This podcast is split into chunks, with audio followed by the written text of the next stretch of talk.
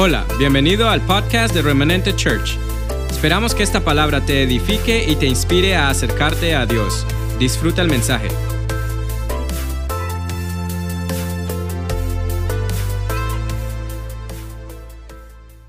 Bueno, empezamos con la palabra.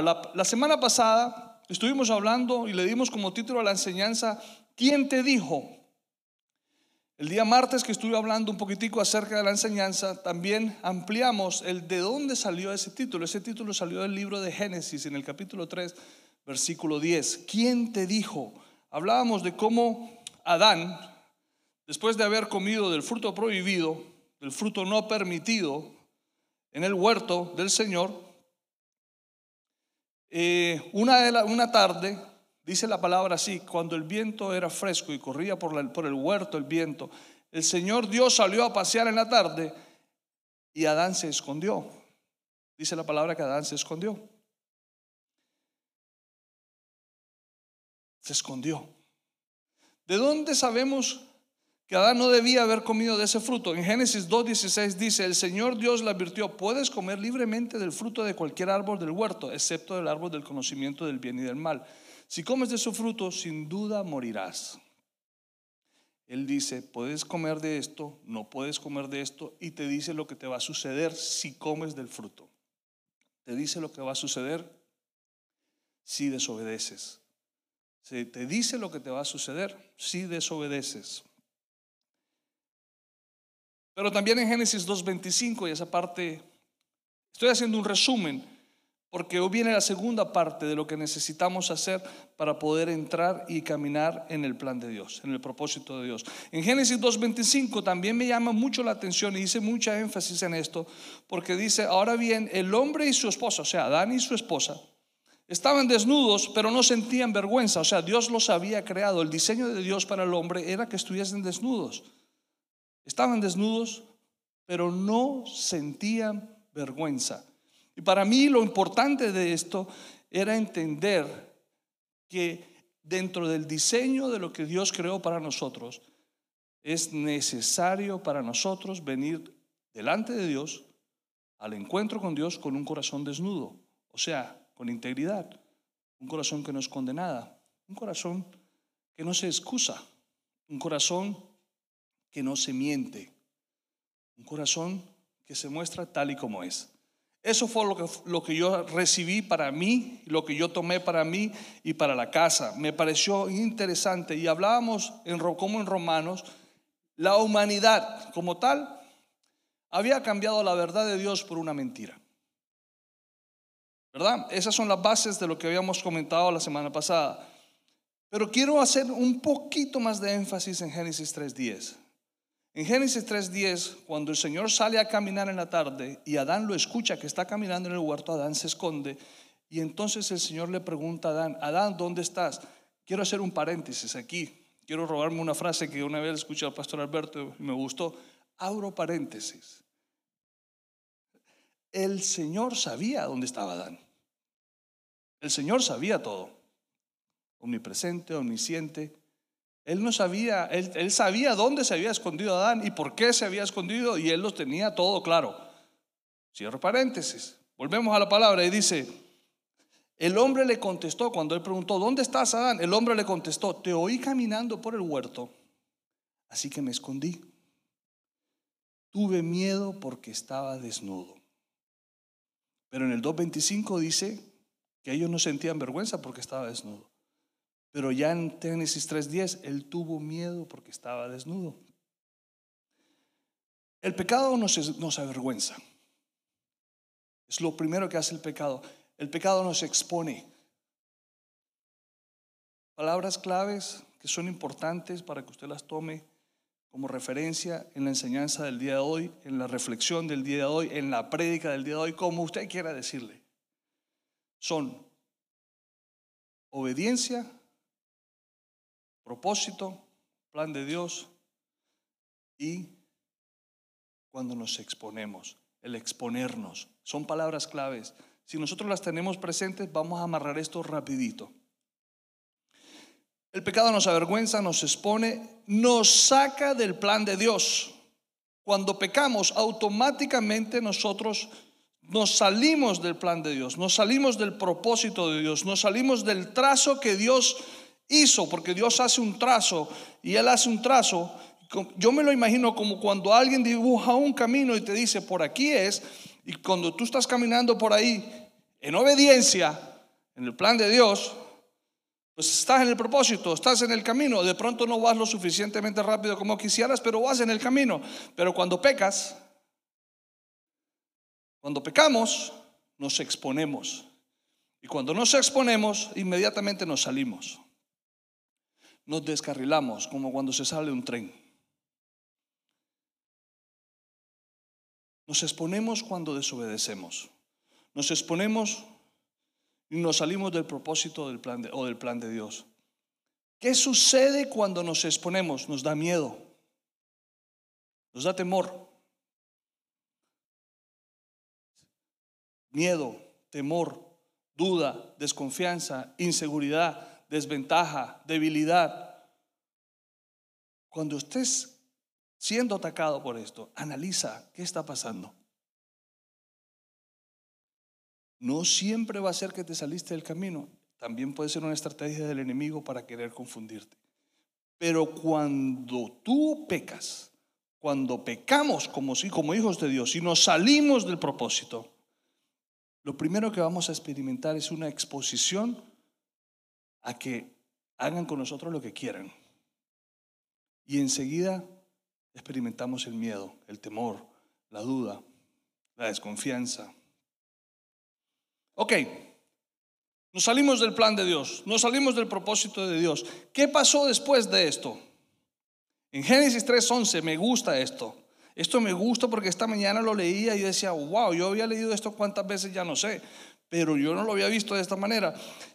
Enseguida en 3.11, en el 3.10, en el 3.10, Adán le dice al Señor, me escondí y tuve miedo porque te oí que caminabas por el huerto.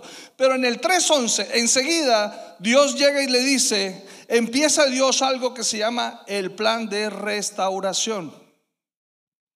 En el 3.11, el plan de restauración, ¿cómo? Si yo leo 3.11 y hace dos preguntas. En dos preguntas el Señor comienza el plan de restauración. La primera pregunta que hace el Señor es, ¿quién te dijo? Esta mañana tenía que mandarle el título a Oscar para que lo colocáramos y no encontré otro título sino el mismo. ¿Quién te dijo? Así como las buenas películas, hoy va a ser ¿Quién te dijo? Parte 2, así como me dice Ronald. ¿Quién te dijo parte 2? Así como hay Rambo parte 2, como hay Equalizer parte 2, como hay Rocky parte, hasta 5 llegó Rocky, qué barbaridad. Hoy tenemos ¿Quién te dijo? parte 2. ¿Quién te dijo? Le dice el Señor, Adán, que estabas desnudo. Si cuando yo te creé estabas desnudo y no tenías vergüenza, ahora, ¿quién te dijo que estabas desnudo? ¿Quién te dijo que venir con un corazón desnudo delante de mí es para avergonzarte? Eso es lo que Dios le pregunta. ¿Quién te dijo que presentarte delante de mí tal y como yo te creé es para que tú seas avergonzado? ¿Sabes algo? Como hijos de Dios, muchas veces no venimos delante de Dios tal y como somos porque nos da vergüenza, porque huele feo, porque se ve feo, porque se siente feo. Pero Dios te dice, ¿quién te dijo esa mentira? Si yo lo conozco todo, el Señor lo conoce todo. Y lo que me, me impactó es que el Señor no esperó que Él respondiese la pregunta sino que le, dio, le, le dio otra pregunta más y le dijo, ¿acaso has comido del fruto del árbol que te ordené que no comieras? Y ahí comienza el plan de restauración. ¿Cómo así? Que ahí comienza el plan de restauración. Porque Dios nos hace las preguntas que nosotros necesitamos responder de la manera más adecuada. El Señor lo que hizo con Adán fue que lo arrinconó de tal manera con esa pregunta que a Adán no le quedó otra opción que reconocer que había comido de ese árbol. Y en el reconocimiento comienza la restauración. Es tan grande el amor de Dios para nosotros. Es tan soberano Dios.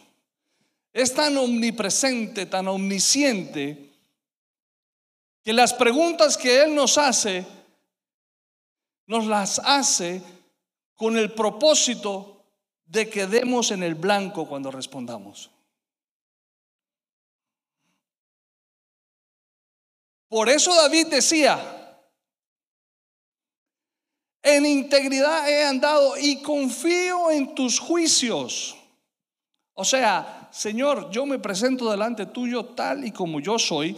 Yo con todos mis errores, con todos mis defectos, con todas mis fallas, con todas mis debilidades, yo me presento delante tuyo tal y como yo soy y confío en tus juicios porque yo sé que el plan tuyo es restaurarme, no condenarme.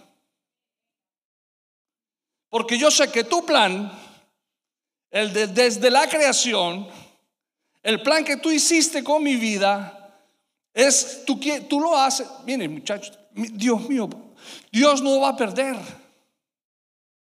Lo que Dios ha invertido en ti y en mí no lo va a perder. Entonces lo que Dios había invertido en Adán, Él no lo iba a perder.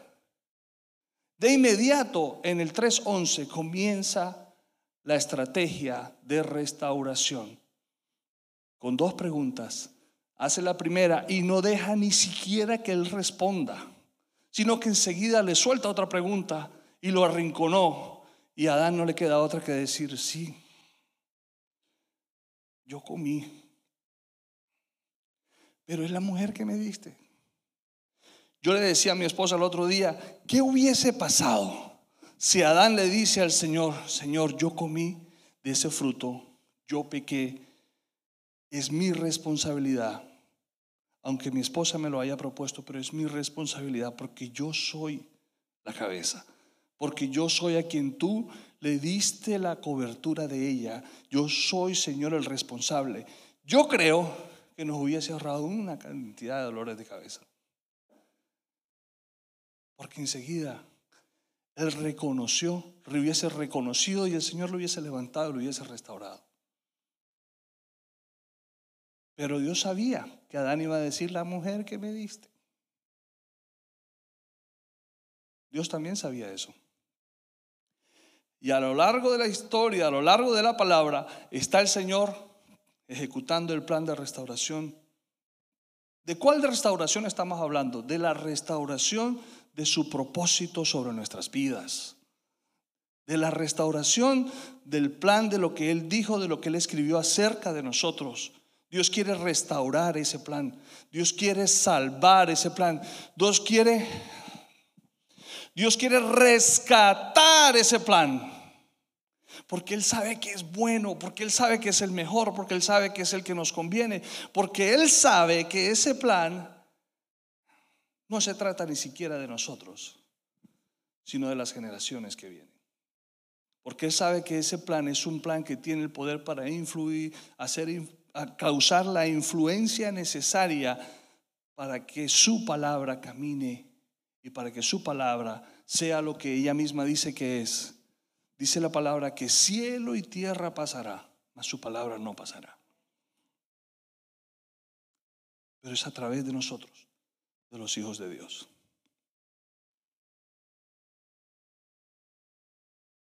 ¿Quién te mintió?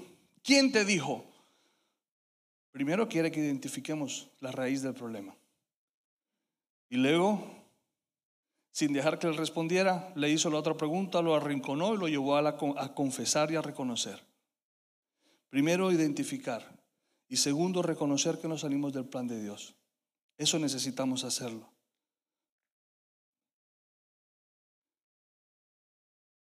Y ahí en este momento, en este momento de la historia, empezamos el día de hoy. ¿Quién te dijo parte 2? Ya identificamos quién, ya sabemos quién nos ha engañado y nos ha hecho creer tantas mentiras acerca de nosotros en muchas de las áreas de nuestra vida. Ya sabemos cómo sucedió, Ya la semana pasada el Señor nos ayudó y pudimos observar y pudimos darnos cuenta que muchas de esas mentiras en nuestra vida las habíamos tomado por verdad. Y que en muchas ocasiones esas mentiras que estábamos viviendo en ciertas áreas de nuestra vida, nosotros nos habíamos conformado ya con ellas. Por ejemplo, lo, lo dije la semana pasada, personas que sufren de diabetes, depresión alta, personas que viven en escasez absoluta, porque es que mi abuelo y mi mamá y mi papá, el alcoholismo en las familias, en fin, hay una cantidad de mentiras que el enemigo nos ha planteado y que las hemos creído y que nos hemos conformado. Nos hemos conformado porque las hemos aceptado.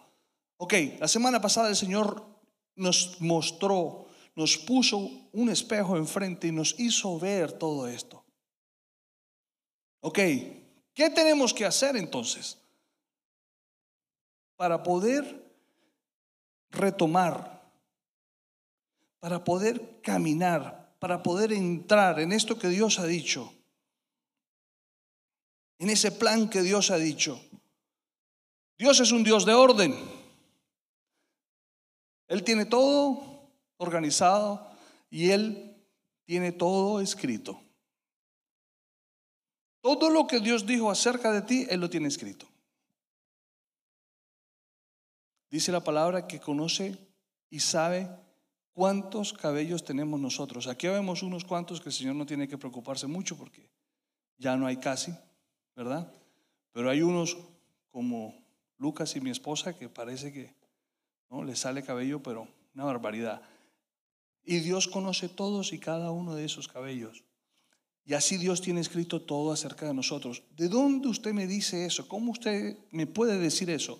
La palabra me lo enseña en Salmo 139, 15 16. Dice, tú me observabas mientras iba cobrando forma en secreto. Mientras se entretejían mis partes en la oscuridad de la matriz, dice, me vistes antes de que naciera. Dios nos vio antes de que naciera. Y Dios veía cómo nuestro cuerpo iba siendo formado en el vientre de nuestra madre. Y a la ciencia hasta el día de hoy no ha sido capaz de explicar cómo los huesos se forman en el vientre de una madre. No hay ciencia que pueda explicar eso. Eso le pertenece a Dios. Yes, qué rico. Eso le pertenece a mi papá. Eso le pertenece a tu papá. Y dice la palabra me viste antes de que naciera. O sea, no habíamos nacido y ya nos había visto. Hay una versión que dice, mi embrión, o sea, cuando yo era un embrión, cuando yo era algo diminuto, dice, vieron tus ojos. Dice, cada día de mi vida estaba registrado en tu libro. Cada momento de mi vida es que me emociono. Me van a disculpar que me emocione.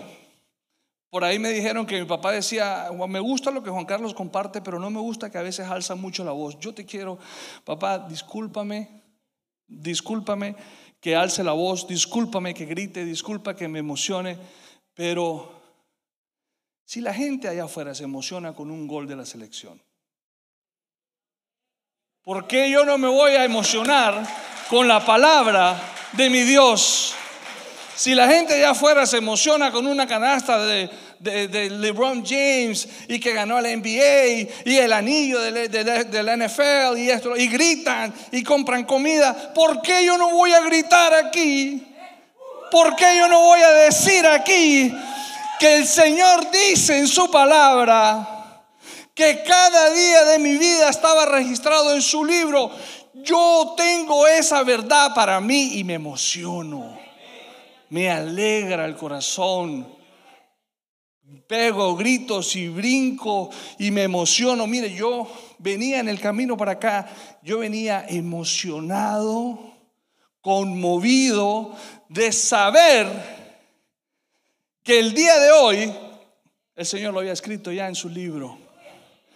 Y que en el día de hoy los que estamos aquí reunidos y los que estamos allá conectados en esta mañana, somos personas con las cuales el Señor está contando.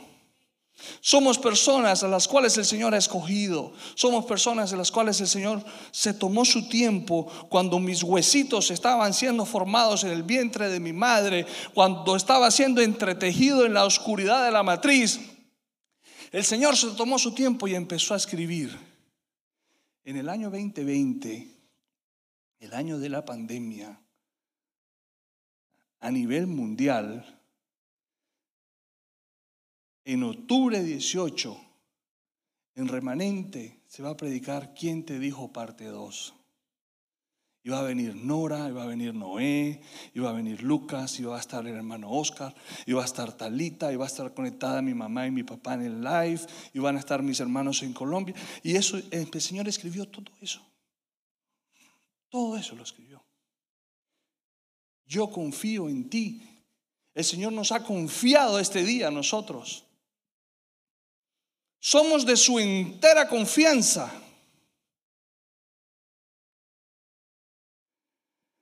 Y después dice, cada momento fue diseñado antes, antes de que un solo día pasara.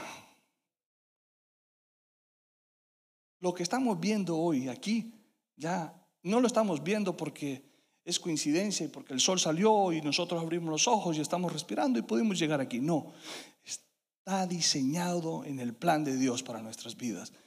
Quiero que quede claro que Dios tiene un plan contigo. Quiero que quede claro que Dios tiene un propósito contigo. Que quede claro que Dios escribió todo eso cuando no habíamos nacido. Amén. Ahí empezamos. ¿Qué dice entonces? ¿Qué necesitamos hacer para retomar ese plan? ¿Qué necesitamos hacer para saber con certeza que vamos a caminar en ese plan que Dios dijo? ¿Qué es lo que necesitamos hacer? ¿Hacer, pastor? ¿Cómo así que necesitamos hacer? A mí la palabra me enseña que no es por obras, sino que no es por obras para que nadie se gloríe, sino que, que, que es por gracia. ¿Cómo así que entonces necesitamos hacer ahora algo? Si no se te había ocurrido la pregunta, pues te la pongo ahí, porque a mí sí se me ocurrió en la noche tarde. ¿Qué tenemos que hacer? Y el Señor me respondió. En Efesios 2, yo lo voy a leer rápido, usted tome notas y léalo en casa. En Efesios 2 del 4 al 10 dice, pero Dios que es rico en misericordia por su gran amor con que nos amó, aun estando nosotros muertos en pecado, nos dio vida juntamente con Cristo. Por gracia sois salvos. Juntamente con Él nos resucitó y asimismo nos hizo sentar en lugares celestiales con Cristo Jesús, para mostrar en los siglos venideros, ¿usted sabe cuáles son los siglos venideros? Hoy. Hoy. Aquí está escrito de hoy. Hoy, los siglos venideros son hoy, están sucediendo hoy, están sucediendo delante de nuestros ojos. Y dice la palabra, para mostrar en los siglos venideros las abundantes riquezas de su gracia en su bondad para con nosotros en Cristo Jesús. Porque por gracia sois salvos. Somos salvos por gracia. Y ser salvos es parte del propósito, pero no es el final del propósito. Ser salvos, lo hablábamos aquí el sábado, te quiero animar a que vengas los sábados de oración. Aquí estamos orando. Te quiero animar que vengas. Lo hablábamos aquí el sábado. Hemos vivido evangelios de extremos. Y el evangelio es integral. Hemos vivido un evangelio muy religioso, pero también hemos vivido un evangelio muy liberal. Hemos vivido un evangelio donde se espiritualiza todo. Yo me recuerdo que en Colombia en los años 90, cuando oraban por las personas, se echaban fuera el espíritu del café.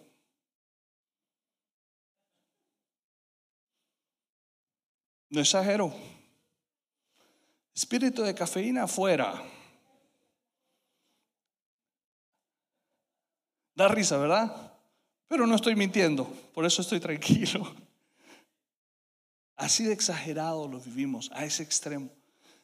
Y hemos vivido un, evangelio en donde La libertad con la que Jesucristo nos hizo libres para disfrutar de la salvación, la hemos convertido en libertinaje. Y hemos hecho lo que se nos antoja porque somos salvos. Sin entender que porque somos salvos tenemos un compromiso para con Dios para vivir una vida íntegra. Entonces, tomando la palabra integridad, el Evangelio es íntegro, es completo, no se le escapa nada. Todo está allí, todo, todo, la economía, el gobierno, las leyes, la sanidad, el arte, las ciencias, la abundancia. Miren, en, los cinco primeros libros de la Biblia, el Señor le habló a Moisés de un evangelio íntegro en donde el Señor sacaba a un pueblo, a un pueblo para convertirlo en nación. Fue el pueblo de Israel. Lo liberó de la esclavitud, siendo un pueblo esclavo, para convertirlo en nación en un desierto. Yo creo que en Las Vegas las apuestas hubieran estado mil a uno a que no pasaba. Y en 400 años después, Israel se convirtió en la potencia mundial, en donde llegaban a traerle tesoros a los reyes de Israel. Si no, pregúntenle a Salomón. Hacían fila para traerle tesoros por el respeto que les tenían. Dios cumplió su palabra.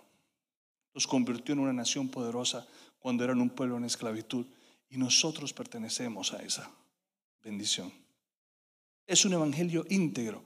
Entonces dice, no por obras para que nadie se gloríe, pues somos hechura suya, creados en Cristo Jesús para buenas obras, las cuales Dios preparó de antemano para que anduviéramos en ellas. Sí, somos llamados a hacer buenas obras, pero el propósito de Dios no solamente es ser salvos, el propósito de Dios es vivir bajo la bendición de la salvación.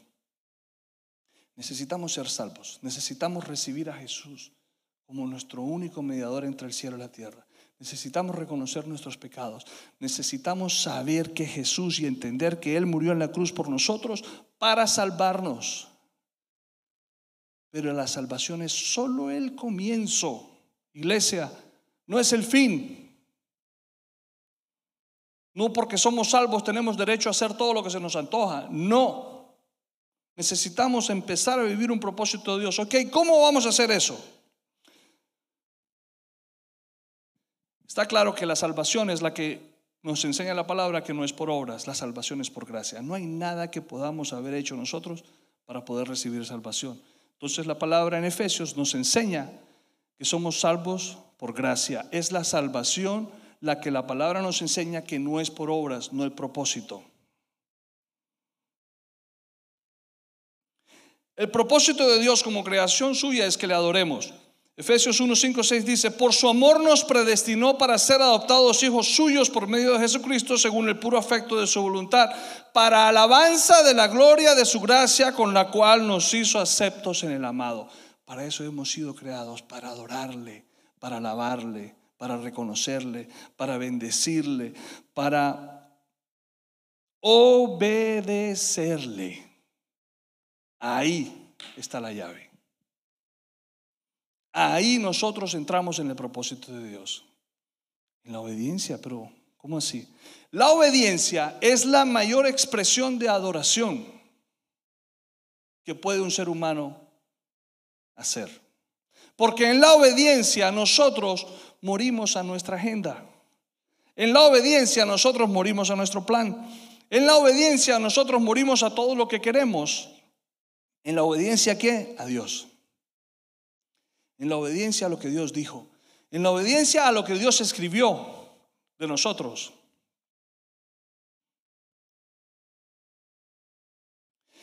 En la obediencia le damos vida y fuerza al propósito de Dios en nuestra vida, al plan de Dios en nuestra vida. La obediencia tiene que ver con legado, con generaciones, la obediencia no tiene que ver con nuestra historia. Yo hablaba con mi esposa Y decíamos que hay ocasiones en, las que creemos que la vida se trata cerca de nosotros. Y creemos que la vida... Yo tuve una conversación una vez con una persona y me habló, estábamos discutiendo algo y me habló, es, es que mis emociones, me decía, estás hiriendo mis emociones me decía esta persona. Y yo le decía, ok, ¿y dónde están las mías? Yo también tengo emociones. ¿O es que crees que este problema se trata solamente de tus emociones? Porque así nos pasa. Creemos que los problemas y las circunstancias que estamos enfrentando a diario se trata de nuestra historia, de nuestra vida, de nuestras emociones, de nuestro dolor, de nuestra decepción de la tristeza que vivimos, de la alegría, de nuestros logros, de nuestros trofeos, de nuestros diplomas. Y yo he entendido, por medio de la palabra, que no se trata nada acerca de nosotros. Que todo eso que estaba ahí se trata del plan de Dios en nuestras vidas. Para llevar a cabo la palabra, para poder llevar a cabo el mensaje para poder llegar a las generaciones por medio de la obediencia. Ok, hermano, perfecto. ¿Qué pasa cuando no creemos? Puede pasar. ¿Y qué pasa cuando tú me, me, estás explicando esto, pero no creemos? Y cuando no hay esperanza, y cuando nos atacan en una condición de desventaja, porque a todos nos ha pasado, y tenemos por poco o nada lo que Dios nos ha dado. ¿Qué sucede ahí? ¿Cómo hacemos para poder obedecer? En la Biblia hay una historia en Segunda de Reyes 4.1.4, lo puede leer en su casa, yo lo voy a parafrasear. Es de la viuda que su esposo muere y llega el acreedor para cobrar el dinero que le debían. Y como ya no tiene dinero, entonces el acreedor se quiere llevar a sus dos hijos como parte de pago por esclavos. Una, una situación en total y absoluta desventaja. Una persona viuda, sola, no hay quien la defienda. Ni siquiera sus dos hijos están en edad para defenderla. Se los vienen a llevar porque debe dinero. ¿Cómo puedo yo ¿Cómo puedo yo, Señor, en una situación de estas caminar en tu propósito? Muy válida la pregunta. ¿Cómo puedo yo, Señor, en una situación en donde me están, llegando cartas en el correo de foreclosure de mi casa? ¿Cómo puedo yo, Señor, en una situación de estas en donde a mi familiar, a mi hijo me lo tienen amenazado? ¿Cómo hago yo para caminar en el propósito de Dios en una situación de estas? ¿Cómo puedo yo, Señor, en una situación en donde yo he estado acostumbrada a que tener un esposo que es el que da la cara por mí, que es el que paga los biles, que es el que me defiende, pero de un momento a otro se va, ya no está en medio mío, ya no está en medio nuestro? ¿Y cómo puedo yo caminar en tu propósito en esta situación tan dolorosa?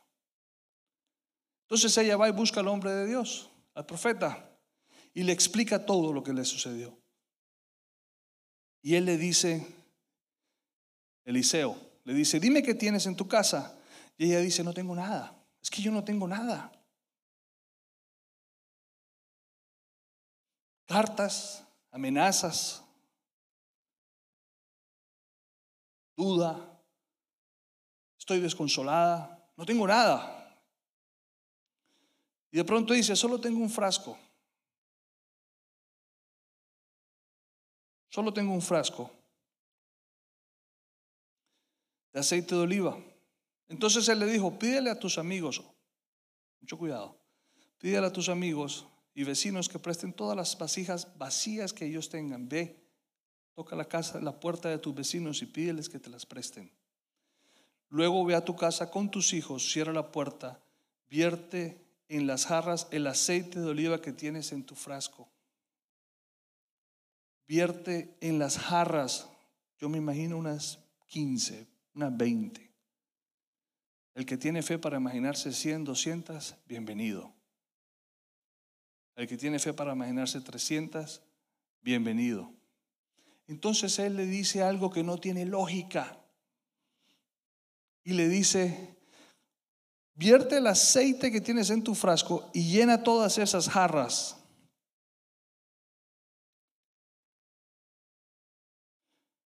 Le dice, enciérrate con tus hijos, cierra la puerta. Y cuando se, se llenen, ponlas a un lado. O sea, cuando se llenen, ponlas a un lado. Yo me imagino que si esa mujer se detiene a pensar cómo va a llenar 300 jarras vacías de, con aceite, de un frasco de aceite, no lo hace. Hay veces en que nos detenemos a querer entenderlo todo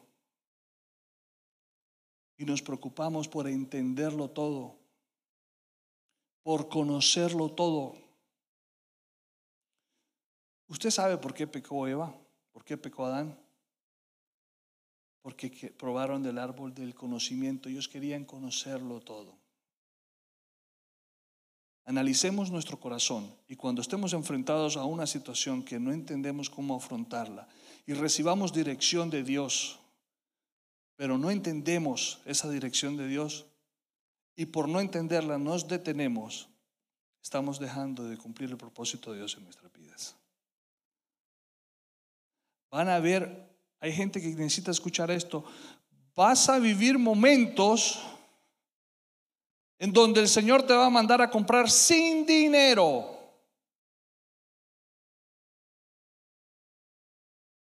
Sí, sin dinero. Pero Señor, yo no tengo. Y el Señor te va a preguntar, yo te pregunté si tenías. Yo te estoy diciendo que vayas. Pero Señor, a mí no me conoce nadie. Señor, yo soy un empleado. Señor, ¿cómo voy a llegar a tocar esa puerta? Ve. Ve que yo voy contigo. Ve que yo voy delante de ti. Ve que yo voy detrás de ti. Ve porque yo digo que vayas. Ve porque Él lo escribió cuando no habías nacido. Ve y compra sin dinero. Lo vas a vivir. Te vas a acordar de esto. Lo vas a testificar. Sin dinero. ¿Qué sucedió? ¿Cuál es la parte que a mí me impacta de esta historia? Ella no se detuvo en que ella no entendía cómo un frasquito de aceite iba a llenar 300 jarras vacías. Pero ¿qué hizo ella?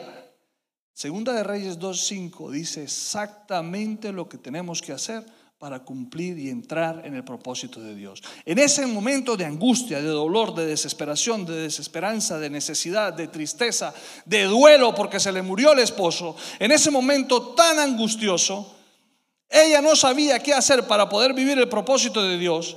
Va al hombre de Dios, busca consejo. El hombre de Dios le dice la locura más grande que ella tiene que hacer y ella sale corriendo y dice la palabra. Entonces ella hizo lo que él le indicó. Entonces ella obedeció. Ella hizo caso. Ella no se puso a preguntar, pero ¿y cómo yo voy al Señor? Eso no tiene sentido. No, no, no, no, no. Cogió a sus hijos, los mandó a buscar las jarras vacías, las vasijas vacías. Se encerró en la habitación e hizo, dice la palabra, ella hizo. Y sus hijos le traían las jarras y ella las llenaba una tras otra. Obedeció. Y dice, pronto todas las jarras estaban llenas hasta el borde, o sea, no fue que la llenó hasta la mitad, entonces pues llenó la... No, no, no, no, no, no, no, no. La llenó hasta arriba, hasta el borde. Dios es abundante, Dios es rebosante. Dios te va a dar para que des, Dios te va a dar para que bendigas, Dios te va a dar para que, para que desparpajes, para que derrames. Dios te va a dar, Dios es, mira, Dios es extravagante. Oh, es que se nos olvida de qué tamaño eran las uvas de los, de los, de, la tierra prometida. Dice que les tocaba entre dos agarrar un gajo de uvas. Cuando yo compro las uvas en Wegmans, que son así de grandes, y me las pongo en la boca, y digo, Dios mío, ¿cómo hacían para comerse esas uvas que llevaban esos hombres? ¿Ah? Yo tengo que respirar dos y tres veces para poder comerme una uva de esas. Y estos hombres entre dos llevaban un gajo de uvas. Así de extravagante Dios. Entonces las vasijas quedaron llenas hasta rebosar.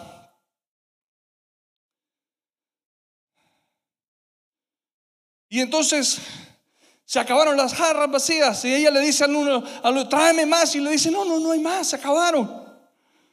Al instante el aceite de oliva dejó de fluir cuando se acabaron las vasijas. Asegurémonos que nosotros como vasijas siempre estemos ahí para que ese aceite siempre fluya.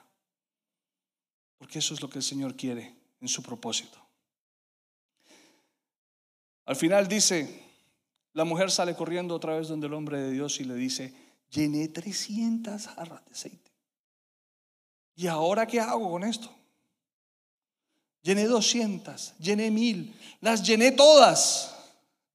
¿Y ahora qué hago? Y él le dice, vende el aceite de oliva, paga tus deudas y tú y tus hijos pueden vivir de lo que sobre. Dios mío de lo que sobre pueden vivir. Él no le dijo, tienen ahí para el mes o para lo que queda de este, de este verano. No, pueden vivir. Ok, obedeció la mujer. Bueno, Juan Carlos, pero ¿cómo hacemos cuando nuestras emociones son muy fuertes? Y cuando la cultura y el, y el sistema que nos rodea o las costumbres son más fuertes, ¿cómo hacemos? A mí la historia, la palabra, me enseñó mi esposa que dijera la palabra, corrijo, la palabra de Dios me enseña que José, el esposo de María, todo el mundo habla de María, dice, pobrecita María, imagínense María, y María le obedeció al Señor, y María, y María, una mujer virgen, y tuvo el Señor, todo el mundo, ¿y quién habla de José? Yo, de José no habla nadie. De José no habla nadie y ese hombre que la tenía difícil. Pero la palabra habla de José. Y dice que María estaba comprometida a casarse con José, pero antes de que la boda se realizara, mientras todavía María era virgen, quedó embarazada mediante el poder del Espíritu Santo. José, su prometido, era un hombre justo y no quiso avergonzarla en público. Por lo tanto, decidió, hay palabras claves, decidió romper el compromiso en privado. ¿Por qué José hizo eso? Sencillo. Mientras consideraba esa posibilidad, un ángel del Señor se le apareció en sueño. ¿Por qué lo hizo? José era un hombre reconocido, era un hombre que tenía una figura pública, era un hombre que la gente lo conocía como un hombre de bien, como un hombre correcto, como un hombre justo. Pero él dijo, mm, yo no me voy a casar con una mujer embarazada y yo no sé de quién es ese niño. Yo no sé de quién es. No, Señor. El orgullo le pisó el dedo cabezón del pie. Y él dijo, yo no. Pero tampoco lo voy a avergonzar. Algo que parecía bueno parecía justo, algo que tiene sentido, lo que ese hombre decidió, algo que es completamente entendible. Lo estaba desviando del propósito de Dios. Sí, Señor. Dice la palabra que el ángel del Señor se le apareció en sueño, José, hijo de David. Le dijo el ángel, no tengas miedo de recibir a María por esposa, porque el niño que lleva dentro fue concebido por el Espíritu Santo y tendrá un hijo y lo llamarás Jesús, porque él salvará a su pueblo de los pecados. ¿Qué pasó después de eso? A mí Mateo 1:24 me dice la clave de lo que sucedió aquí. Dice, cuando José se despertó, hizo como el ángel del Señor le había ordenado. Obedeció. Obedeció. Y recibió a María por esposa. En la obediencia de José, en la obediencia de José, llegó el Salvador de este mundo. Y la gente habla de María, y créeme que lo de María fue difícil, pero ¿y lo de José? Usted sabe que la palabra habla de que Jesús viene de la descendencia del linaje de David. Y en esa relación de María y José, el que traía el linaje de David era José. ¿No era María? Cuando José obedece, cumple con la palabra y le da legalidad al nacimiento de Jesús. Y cumple con el propósito. Hoy estamos hablando de propósito, hoy estamos hablando de plan, hoy estamos hablando de obediencia. Vamos a cerrar, porque yo sé que hay que cerrar. Voy a pedirle a Juanchito o a Lucas, cualquiera de los dos que suba. Lucas, si puedes subirme, me gustaría que me acompañaras. La palabra dice en Lucas 1.26 que cuando el ángel Gabriel, que Dios envió al ángel Gabriel a Nazaret, a una aldea en Galilea, a una virgen llamada María, ella estaba comprometida para casarse con un hombre llamado José, descendiente del rey David. Entonces cuando José obedece, se cumple esa palabra de que Jesús estaba en el linaje escogido del rey David. Cuando José obedece, se cumple lo que Dios había escrito. Es que yo lo que quiero que entendamos hoy es que la salvación no es por obras, es por gracia. Pero el propósito, el propósito, el plan de Dios sobre nuestras vidas es por obediencia. Por obediencia. Eso no quiere decir que tengamos que vivir una vida perfecta, no. Eso quiere decir que necesitamos vivir una vida íntegra, presentarnos delante de Dios con un corazón desnudo, sin esconder nada, porque así nos diseñó Él porque así lo conoce Él, porque Él lo conoce todo, porque Él lo escribió todo acerca de ti y de mí cuando no habíamos nacido, Él lo escribió todo, Él lo sabe todo. No le vengas con mentiras, no le vengas con cuentos, no le vengas con excusas, no le digas la esposa que me diste, el jefe que tengo.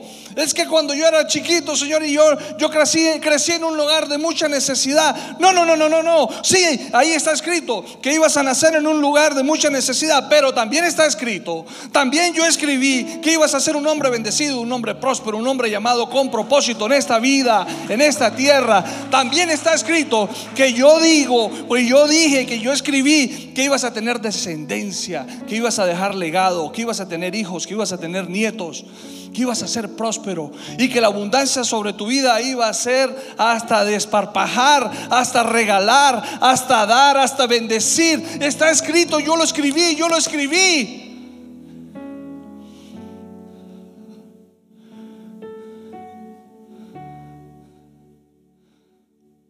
Cuando nos cuesta obedecer.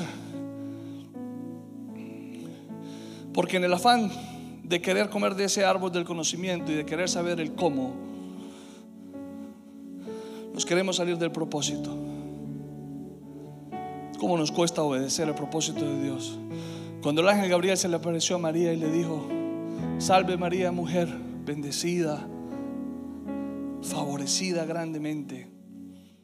Dios te ha escogido para que el Salvador de este mundo nazca por medio de ti. Ella dijo, aquí está, ella dice,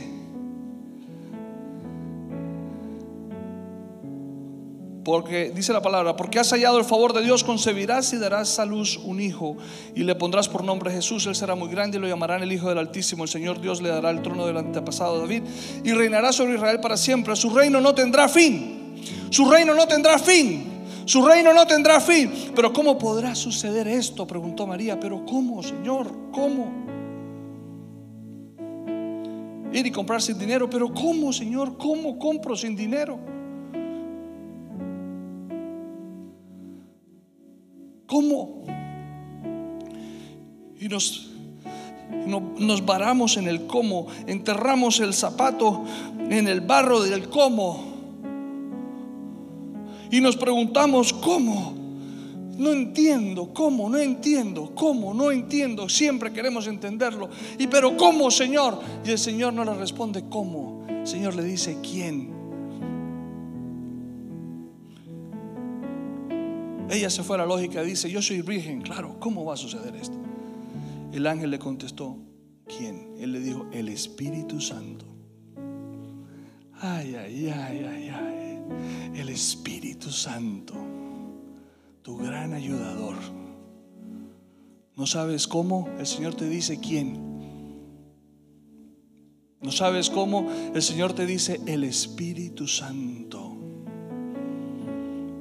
que acaso hay algo imposible para mí. El Espíritu Santo, el Espíritu Santo, el Espíritu Santo. Tú dices, ¿cómo yo te digo quién? Te dice el Señor. El Espíritu Santo. Tú dices, ¿cómo? ¿Me duele? ¿No puedo? ¿No soy capaz? El Señor te dice, ¿quién? Te dice el Espíritu Santo. Espíritu Santo, quien es testigo de todo lo que hablamos en el cielo, quien fue testigo de todo lo que se escribió acerca de ti, el Espíritu Santo, vendrá sobre ti. El Espíritu Santo vendrá sobre ti. Eliana, el Espíritu Santo vendrá sobre ti.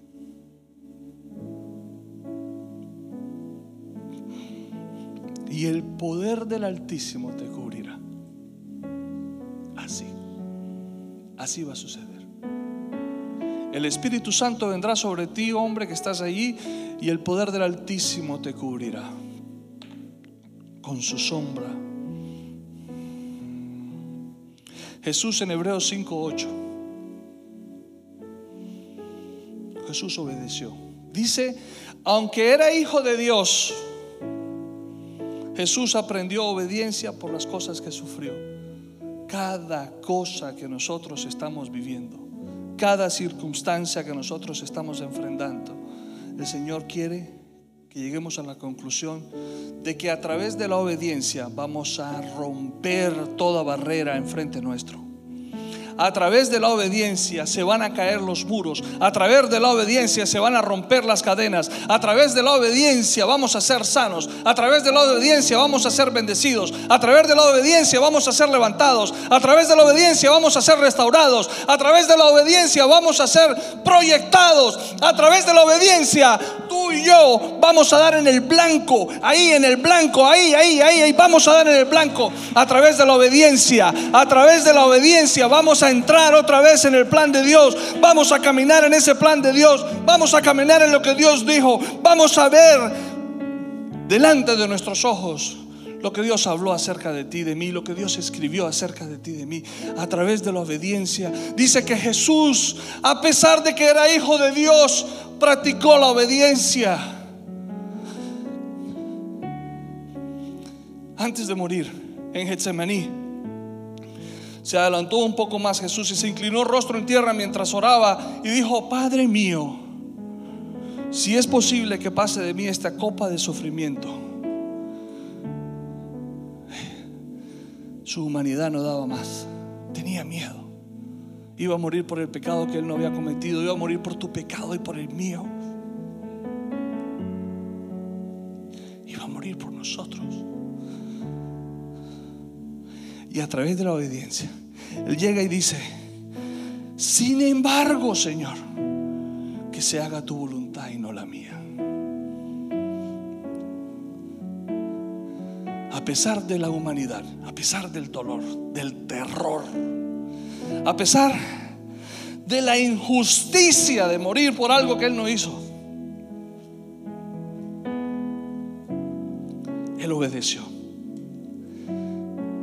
nos dio vida, nos dio propósito, nos levantó, nos dio sentido de vida.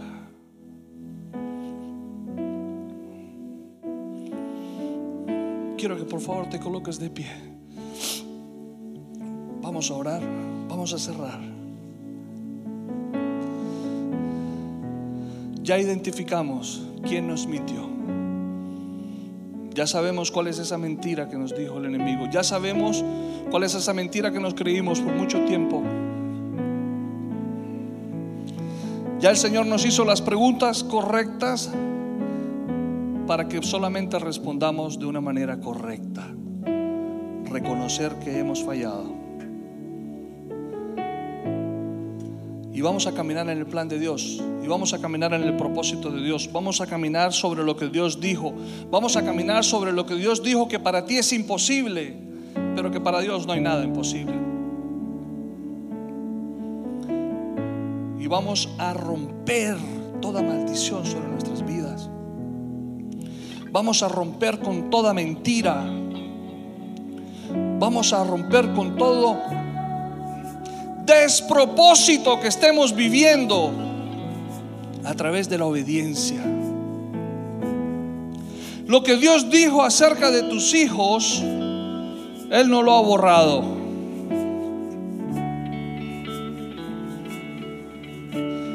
Te parece imposible, ¿verdad? Pero para Dios no es imposible. Lo que Dios dijo acerca de tus hijos, Él lo va a cumplir. Lo que Dios te dijo acerca de tus hijos, lo que Dios escribió cuando sus huesitos estaban siendo formados en tu vientre, Él lo va a cumplir. Traes un corazón cargado delante de Dios Dios conoce bien. Dios conoce muy bien esa carga. Pero Dios conoce mucho mejor lo que Él escribió acerca de ellos. Señor, ¿cómo? El Señor te dice quién. El Espíritu Santo de Dios. El Espíritu Santo de Dios. El poder del Altísimo está sobre tus hijos. Tú dices cómo. El Señor te dice quién. Él desbordó su bondad sobre nosotros junto con toda la sabiduría y el entendimiento. Ahora Dios nos ha dado a conocer su misteriosa voluntad en esta mañana respecto a Cristo, la cual es llevar a cabo su, propio, su propio buen plan. Y el plan es el siguiente. A su debido tiempo Dios reunirá todas las cosas y las pondrá bajo la autoridad de Cristo. Todas las cosas que están en el cielo y también las que están en la tierra. Es más, dado que estamos unidos a Cristo, hemos recibido una herencia de parte de Dios porque Él nos eligió de antemano, porque Él nos escogió, porque Él confió en nosotros, Él confió en ti Álvaro, Él confió en ti mujer, Él confió en ti Él nos eligió de antemano, Él se anticipó al día de hoy y nos escogió y Él nos eligió y hace que todas las cosas resulten de acuerdo a su plan. Pastor, ¿dónde está eso? Juan Carlos, ¿dónde está eso? Efesios 1 del 8 al 11, léaselo, escríbalo, estúdielo, medítelo. Dice, y hace todas las cosas resulten de acuerdo a su plan. Tú y yo tenemos un Dios que no va a perder. Tú y yo tenemos un Dios que solo sabe ganar. Tú y yo tenemos un Dios que va a ejecutar su plan sobre nuestras vidas tal como Él lo escribió si obedecemos. Necesitamos obedecer. En la obediencia está el rompimiento de toda maldición. En la obediencia se desata el plan de Dios sobre nuestras vidas. En la obediencia de Jesús nosotros estamos aquí. En la obediencia de Pedro Jesús llegó a la tierra en legalidad.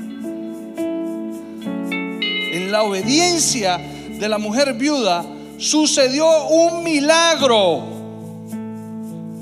Llenó más de 200, 100, 300 jarras de aceite con un fresquito. Milagros vamos, vamos a ver delante de nuestros ojos. La palabra no dice que Eliseo se encerró con ella. Ella se encerró con sus hijos. Y ellos como familia vieron un milagro. Por la obediencia tuya, mujer, verás un milagro en tu casa. Por la obediencia tuya, mujer, verás un milagro en tu casa con tus hijos, con tu familia, con tu generación. Sí, pero yo tengo pena con Dios, yo me he equivocado tanto. Sí, Dios sabe que te equivocaste.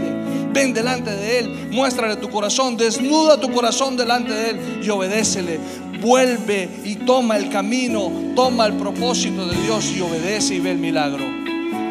Si tú recibes en esta mañana, dale un fuerte aplauso al Señor. Bendice su nombre, Padre, en el nombre de Jesús. Yo te doy gracias por esta palabra, Señor. Yo te doy gracias, Señor, y creo. Creo, Señor, que traemos delante de ti un corazón obediente. Un corazón, Señor, que está dispuesto a reconocer su falta, pero que también está dispuesto a obedecer tu dirección, tu propósito. Un corazón que está dispuesto, Señor, a romper, a causar rompimiento, a abrir camino donde no lo hay, a tumbar muros, a romper cadenas, un corazón que está dispuesto, Señor, a romper con toda maldición que ha atacado mi vida por muchos años. Un corazón que está dispuesto a creerte. Yo te creo, yo te creo, Señor. Yo creo lo que escribiste de mí. Yo te creo, Señor, porque yo soy tuyo. Yo te creo, Señor, porque esa herencia a mí me pertenece. Yo te creo, Señor, porque tú lo escribiste, porque tú lo dijiste. Y todo pasará. Todo. Pero su palabra no pasará. Lo que Él dijo acerca de ti, no. Eso está ahí escrito. Nadie te lo va a robar. Es tuyo. Obedece y disfruta de la salvación del Señor. Amén. Dios te bendiga, iglesia. Alabemos al Señor. Unos minutos más. Esperamos que este mensaje haya sido de bendición. No te olvides de suscribirte a nuestro podcast y seguirnos en Facebook e Instagram arroba remanente church.